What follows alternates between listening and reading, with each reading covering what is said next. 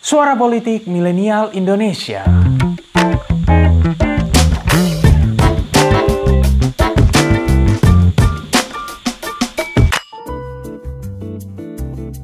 Halo, selamat datang di channel pinterpolitik.com. Untuk kali ini kita sudah kedatangan tamu Valdo Maldini, salah satu politisi muda yang lumayan moncer karirnya, ya kan? Nah, buat netizen-netizen yang selama ini menunggu-nunggu apa namanya? Oh, ayo dong hadirkan narsum S2 ini S2 tidak sembarangan. Imperial College London 10 besar da- apa namanya? Lima besar bro. Sekarang udah lima besar bahkan. Selamat datang Bang Valdo. Siap, makasih teman-teman pintar politik Nah, dan para jamaahnya. Mantap. Untuk ke depannya nih, kita sudah mulai banyak melihat poster-poster, baliho-baliho. Wih, sampai kelihatan ke sini tuh gambarnya. Oh, iya, iklan-iklan di koran. Oh, gitu.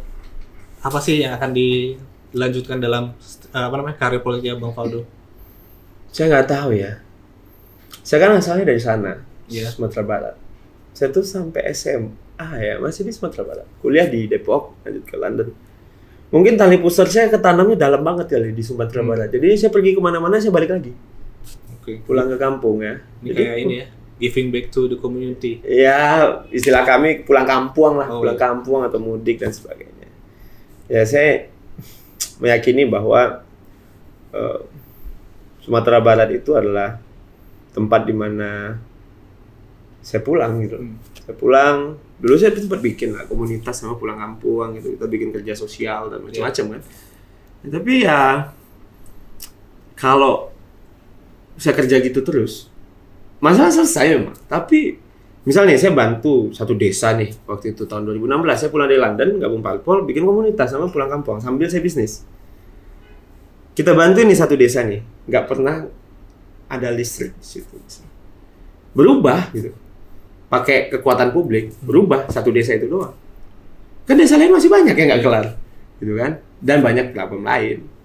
Jadi ya saya ngerasa ini momentum sih, momentum untuk menghadirkan kembali semangat baru dan cara-cara baru untuk membangun Sumatera Barat. Hmm. Makanya namanya Sumangai baru. Sumangai itu artinya semangat, semangat baru. Jadi gubernur nih. Hmm, ah itu mah garis tangan. Iya. Ya, yang penting kita kerja dulu. Ya, karena kan nggak semuanya juga. Tapi kalau ditanya ya, saya akan serius untuk kerja. Serius, karena kan masih ada waktu sekitar berapa bulan ya? 5-6 bulan lah menjelang pendaftaran. Di samping saya juga sedang judicial review kan undang-undang batas usia di UU pilkada Pilkada. kan. Umur, umur saya itu kurang sehari mas Oh. untuk jadi gubernur. Karena jadi gubernur di Indonesia itu nih ya, teman-teman jamaah pintar politik, untuk jadi gubernur di Indonesia batas usia 30 tahun. Wali kota 25 tahun. Mau kayak gitu? Kenapa dibedain, ya kan? Wah, ayolah kita coba challenge aja Iya. gitu. Harus challenge. Kenapa gitu. dibatasin haknya? Iya, padahal DPR 21. Presiden 40. Nikah 19. Nah, ini kan 19. Jadi kan ada tumpang tindih, tapi ya overall kalau saya percaya gini sih teman-teman. Kalau ada ruang bagi kita anak muda di politik, ya kita dapat kesempatan nih mas. Insya Allah bakal banyak kesempatan di bidang lain. Hmm. Ya, karena di politik kita udah dapat tempat. Nah, tadi mention soal gugatan ke MK. Hmm. Dalam gugatan itu belakangan Bang Faldo didampingi oleh eh, Partai Solidaritas Indonesia. Nah, Hmm. apakah itu mengonfirmasi kabar bahwa kepindahan Bang Faldo itu terbukti? Ya, mau aja, mau banget. Mau nggak? dong? Jadi tunggu pidato politik saya tanggal Mantap. 27 Oktober 2019 di Kota Padang. Saya pengen semua orang ngelihat Sumatera Barat. Tapi Ada live streamingnya. Kayaknya tayang duluan. Ada pidatonya. live streamingnya. Ini Apa? tayangnya minggu depan kayaknya. Oh ini tayang minggu Iya. depan. Ya sudah. Nonton rekaman video Betul. politik saya ada di YouTube ya. Iya. Saya jawab semuanya. Pertanyaan-pertanyaan Anda semua. Oke. Bang Faldo ini kan salah satu wajah lah dari apa namanya politik politisi muda di negeri ini ya kan. Dan mungkin salah satu yang eh, lumayan cepat lah kenaikannya bahkan sampai ke struktur DPP. Nah, Hmm. saya pengen nanya karena baru-baru ini kan berita yang eh, santer beredar adalah Bang Faldo ini mundur dari struktur itu. Kenapa walk away dari posisi yang sudah tinggi itu? Ya, PAN, Iya. Pak Sekjen ya maksudnya. Sebenarnya banyak sih ya alasan-alasannya. Tapi yang paling penting PAN itu adalah partai yang telah memberikan saya banyak kesempatan. Partai yang kalau saya bergabung itu eh, apa yang saya bayangkan, imajinasi saya, pikiran-pikiran saya. Kan saya jurusannya bukan politik kan, Eh, studi saya bukan politik. nih. Tapi sempat S2 politik kan? Enggak, S2 saya juga masih fisika mas sebenarnya. Yang di UI? Nah, lagi S2 di politik. Iya, oke. Ya. Jadi emang eh, imajinasi saya untuk menjadi seorang politisi sebenarnya udah dapat saya rasakan kali ya. Saya rasakan, saya jalani eh, pikiran-pikiran saya juga ikut kontestasi pilpres sebagai salah satu juru bicara di usia yang ya memang benar-benar sangat-sangat muda bahkan di BPN itu saya termasuk juru bicara paling muda, Paling muda, sebenarnya. iya. paling muda sebenarnya jadi saya rasa saya harus berterima kasih kepada Partai Mana Nasional sebagai tempat bernaung saya selama berapa tahun ya? Berarti saya masuk dari tahun 2015. Saya mundur eh, tanggal 3 Oktober 2019. Ya, hampir 4 tahun lah sebenarnya. Dan belajarnya banyak banget tentunya karena saya mulai dari bawah kan. Orang mungkin banyak kenal Valdo di PAN sebagai wakil sekjen, Iya. sebagai wasekjen atau perwakilan PAN, milenialnya PAN gitu. Tapi sebenarnya saya mulai dari bawah. Karena saya masuk partai itu di umur 25 tahun. Jadi balik studi dari eh, London waktu itu saya langsung gabung ke Parpol. Oh langsung. Langsung gabung ke Parpol. Oke. Langsung gabung Parpol.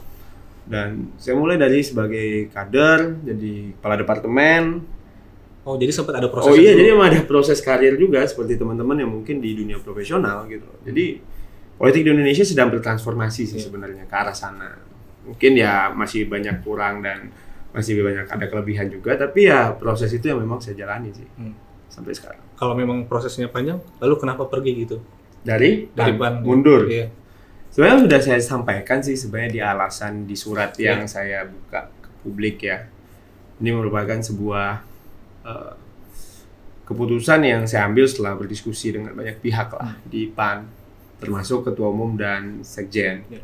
Saya hanya tidak ingin menimbulkan apa namanya kisruh ya, kisruh karena memang eh, tidak baik lah rasanya membuat PAN yang punya banyak cita-cita besar. Apalagi kita melihat PAN dengan lima tahun ke depan, PAN dengan 10 tahun ke depan, 15 tahun ke depan, eh, saya tidak ingin menjadi beban dalam proses perjuangan PAN.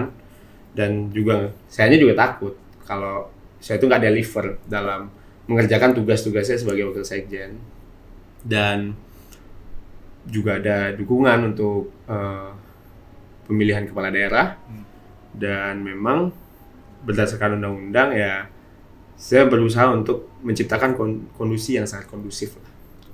Jadi- sehingga eh, saya rasa seperti ditulis di surat itu anak harimau harus masuk ke hutan anak sungai akan mengalir ke laut. Jadi keputusan ini ada kaitannya dengan karir politik Mas Faldo yang ingin dikejar di masa depan di usia yang sangat muda ini. Sebenarnya sih bukan hanya sekedar karir juga sih, tapi kan berpolitik itu eh, seperti juga sebenarnya nggak jauh beda ya kalau menurut saya sama profesional karena saya juga pernah di profesional, saya pernah juga di dunia bisnis. Setiap orang punya cita-cita, setiap orang punya pathway, setiap orang punya challenge, setiap orang punya dream, aspiration atau yang mereka bayangkan seperti apa. Kayaknya Bang Faldo ini memang banyak sekali mengejar apa namanya posisi-posisi kepemimpinan penting ya. Dulu di kampus saya ingat mulai dari Hmm. HMD Fisika, Hmm, BM IPA, BM UI, terus lanjut juga PPI PPI eh, Inggris, PPI UK. bikin komunitas di Iya. Sumatera Barat. Eh, apakah memang itu sudah jadi cita-cita sejak awal memang oh saya merasa saya harus melakukan sesuatu sebagai pemimpin atau seperti apa? Kalau saya sih berpikirnya gini ya, Mas. Jadi di saat ketika saya sekolah, ketika kuliah, eh, saya diamanahkan atau dipercaya teman-teman ya, elected untuk beberapa posisi-posisi kepemimpinan. Memang saya melihat dengan mata kepala saya sendiri, ketika kita mampu meningkatkan kualitas representasi kita, kehadiran saya ini sebagai seorang mahasiswa, sebagai seorang anak fisika, sebagai anak MIPA, ya sebagai pimpinan organisasi mahasiswa itu memang dampaknya itu bisa lebih luas yang bisa saya buat gitu loh. Dibandingkan jadi mahasiswa biasa. Ya tentunya Iya. gitu kan karena dengan organisasi misalnya di fisika saya bisa bantuin teman-teman yang kesulitan untuk akses beasiswa, kesulitan untuk akses catatan kuliah sehingga mereka berpotensi di DO, bantu bantuin orang untuk nyari uh, scholarship untuk tetap bertahan hidup gitu loh. Karena memang tugasnya kan begitu. Memang kadang-kadang kan kita nggak salah juga sih sebenarnya kalau kita punya uh, tanggung jawab yang kita rasa untuk beresin diri kita aja gitu. Tapi bukan berarti juga kalau saya keluar saya ngurusin orang diri saya juga harus bertumbuh kan sebenarnya. Bukan berarti saya nunggu diri saya beres juga gitu jadi termasuk di BMUI gitu kan termasuk di BMUI itu salah satu faktor ya yang saya rasa uh, menjadi pengalaman ya menjadi pembelajaran dan menjadi uh, sesuatu yang jadi turning point mungkin sehingga uh, uh, mempengaruhi kehidupan saya sampai hari ini karena saya melihat dengan mata kepala saya sendiri gitu ketika ada yang namanya power, ada yang namanya tempat untuk uh, meng mengaktualisasikan kekuatan kekuasaan itu dengan cara yang tepat gitu loh. Itu perubahan yang bisa kita buat itu lebih cepat, hmm. lebih banyak, lebih masif. Tapi kalau masalah itu kita lihat nggak cuma di kantor kita, di sekeliling kita gitu kan. Belum lagi kalau kita pikir-pikir ya, uang kita seberapa cukup sih untuk membantu orang? Uang saya uang mas uang pinter politik uang teman-teman yang nonton gitu loh. Emang cukup ya kan? Nah di satu sisi problem banyak. Di sisi lain ini ada space atau ada arena di mana di sini sumber daya dikumpulkan. Kalau ada orang yang mengambil peran itu memperjuangkan hal itu dan berusaha untuk meningkatkan kualitas representasi orang-orang di luar ini di arena ini yang saya yakini itu politik ya yang saya yakini itu ketua organisasi dan macam-macam gitu tentu kita bisa bekerja lebih baik gitu loh membantu orang-orang gitu kalau uh, tidak ya sebaliknya gitu loh mas uh, tadi Bang Faldo menyebutkan soal perubahan dan penyelesaian masalah. Hmm. Nah, perubahan dan penyelesaian masalah apa sih yang pengen ditawarkan Bang Faldo dengan masuknya ke dunia politik nasional saat ini? Memang kualitas representasi salah satu representasi. Karena kan demokrasi kita ini kan membuat kita mungkin agak berbeda dengan beberapa negara-negara lain sebenarnya kan. Kamu, kamu anak ilmu politik kan dan ini pinter politik. Pasti mendorong terjadinya demokrasi yang baik dan sehat dan kualitasnya bagus di Indonesia. Tapi kalau kita lihat sekarang gimana gitu? Hmm. nah jadinya kerja-kerja yang saya lakukan sih sebenarnya nggak jauh-jauh sih dari undang-undang sih sebenarnya. Hmm karena tujuan kita kan bernegara itu. Ya, tujuan kita as uh, apa kalau saya mungkin yeah. kita ngomongin saya sebagai warga gitu loh, citizen gitu kan. Saya kan juga memperjuangkan apa yang menjadi kewajiban saya, saya kerjakan, hak saya juga saya tuntut kan sebenarnya.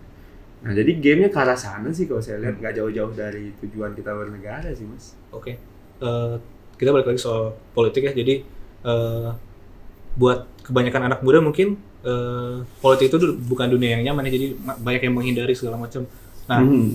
kenapa bang Faldo sendiri malah mengejar uh, apa namanya uh, sesuatu yang lebih tinggi di dunia politik itu sementara yang lain itu justru apa namanya anti. Dan saya ingat dulu bang Faldo di apa namanya di kampus sempat dikritikan sama anak-anak ilmu politik bahkan dosen pun banyak mengkritik ah ini nggak ngerti segala macam. Nah kenapa apa yang membuat sangat tertarik dengan politik gitu?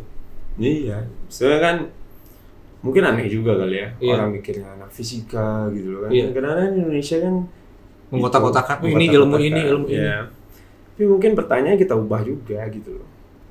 Kok nggak banyak anak biologi yang masuk politik? Hmm.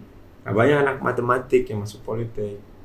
Atau bahkan mungkin teman-teman yang kuliah ilmu politik apakah justru malah menghindari. misalnya kan. Yeah. nah ya kan?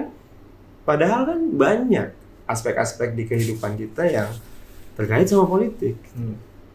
Gimana teman-teman yang jurusan sains memperjuangkan anggaran R&D yang di Republik ini di bawah satu persen terus itu untuk kehidupan mereka gitu loh, ya kan? Iya. Gimana kita menjadi scholars? Gimana kita bisa uh, punya kualitas R&D di kampus yang bagus tanpa kebijakan gitu? Jadi why? Kenapa kita mempertanyakan sebenarnya? Hmm.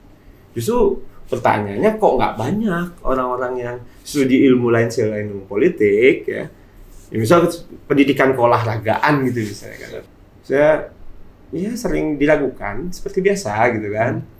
Sering dibully juga dengan iya. keraguan-keraguan itu gitu kayak Ya, saya pernah bilang Prabowo kali di MK gitu kan. Hmm. Dilakukan, Iya. dibully, kejadian. Iya. Ya kan? Terus Prabowo mungkin gabung Jokowi, dibully, dilakukan. Apa kejadiannya? Kejadian gitu loh. Karena yang saya pegang mungkin kebenaran kali ya. Tadi Bang Paulo menyebutkan soal bully ya. Eh, di usia karir politik masih sangat muda itu mengganggu nggak sih eh, apa namanya pelabelan dulu pernah jadi apa namanya jubirnya Pak Prabowo kemudian eh, netizen kadung mencap dengan hal seperti itu dan dengan berbagai apa namanya kata-kata pedas di belakangnya apakah itu menyakiti Bang Faldo atau akan mengganggu karir ke depannya atau seperti apa Enggak, kalau saya sih melihat itu sebagai indikator. indikator bahwa Indikator perubahan itu akan terjadi. oh oke Jadi kalau saya saya ngomong, saya bicara sesuatu nih. Terus banyak nih. Saya merasa ya itu orang-orang yang merasa terancam aja Hmm, dengan apa yang saya yakini. hmm, Balik lagi ke waktu yang akan menjawab itu. Biasanya makin banyak orang yang merasa terancam, makin cepat waktunya perubahan itu terjadi. hmm. Ya, waktu saya ngeluarin vlog Prabowo kalah di MK itu followers kita hilang berapa ya? 50.000, 50 ribu. Bahkan sampai sekarang jadi 70.000, 70 ribu. Saya nggak peduli juga sebenarnya. Iya. Dalam artian, ini kan dunia aja lah. Kasarnya gitu Iya. kan. Dalam artian, eh, kehilangan 70 ribu bagi orang mungkin sakit, pedih ya. Iya. Tapi saya sih biasa aja. Karena waktu bela Prabowo Sandi juga naiknya 1000 sehari, saya biasa aja juga. Hmm. Tapi yang penting, saya ngomong yang saya yakini aja. Dan biasanya saya yakini itu memang basisnya jelas. Hmm. Undang-undang, dalam artian eh, tujuan kita bernegara, konstitusi. Masa kita ngomong konstitusi di negara ini dibully, kita takut sih. Mati saya juga siap. Kita lanjut ke pertanyaan netizen. Kita kayaknya memang harus mendengarkan netizen ya sekarang ya. Ya, siap. Pertanyaan pertama Hidup netizen. ada dari M. Zidan Husaini. Bagaimana Mas Faldo menyikapi konflik of interest saat masih aktif jadi kader parpol? Kalau PAN sih saya happy sih kalau di PAN selama Oh, iya? Kemarin di PAN eh, saya kerja aja. Hmm. Yuh, mantap sekali kan. Kita dapat challenge untuk eh, merasionalkan banyak hal lah. Kalau saya sih memang saya ngelihat kalau parpol ya, parpol itu kan pasti banyak kepentingan. Dan dalam setiap ya anggap aja ini kayak organisasi lah. Orang pasti punya kepentingan masing-masing. Ada yang pengen dapat CV, Hmm. ada yang benar-benar pengen dapat pengalaman, ada yang pengen ngelihat wah ini banyak sponsor gitu kan macam-macam. Ya tujuan orang kan nggak sama. Nah kalau saya sih lebih pengen fokus aja sama apa yang ingin kita tuju. Jadi nggak pernah bertentangan tuh dengan idealisme yang pengen dibawa sejak awal. Justru di sana tempat saya untuk men- menguji terus idealisme Hmm. saya gitu loh.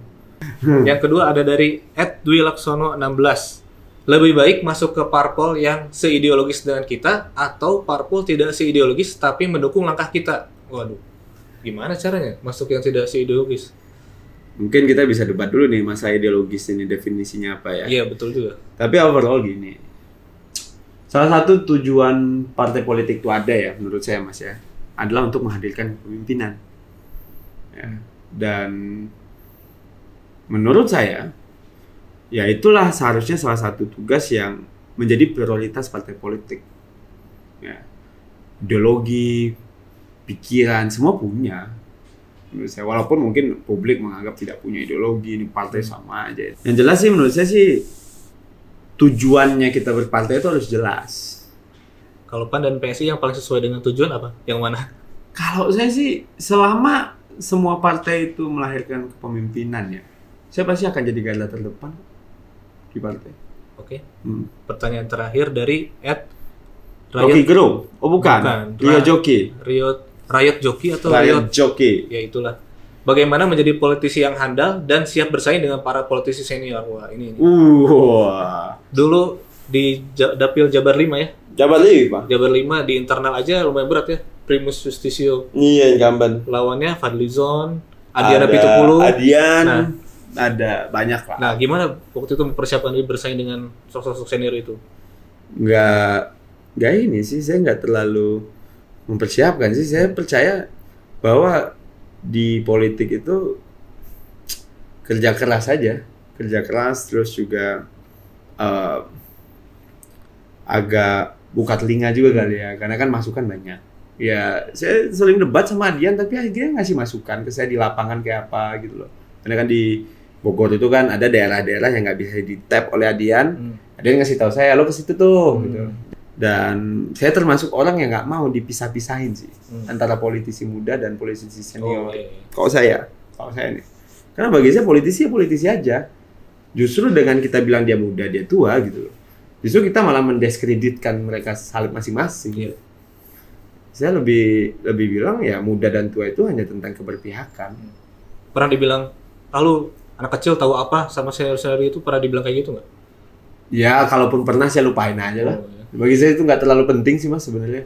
Karena yang paling penting sih kita apa namanya kita terus kerja, terus meyakinkan orang, meyakinkan publik dan menjadikan politik ini membuat masyarakat pintar.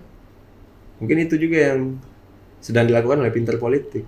Ya, ya kan? Jadi pintar politik ya mudah-mudahan masyarakat kita jadi pintar karena politik atau berpolitik secara pintar.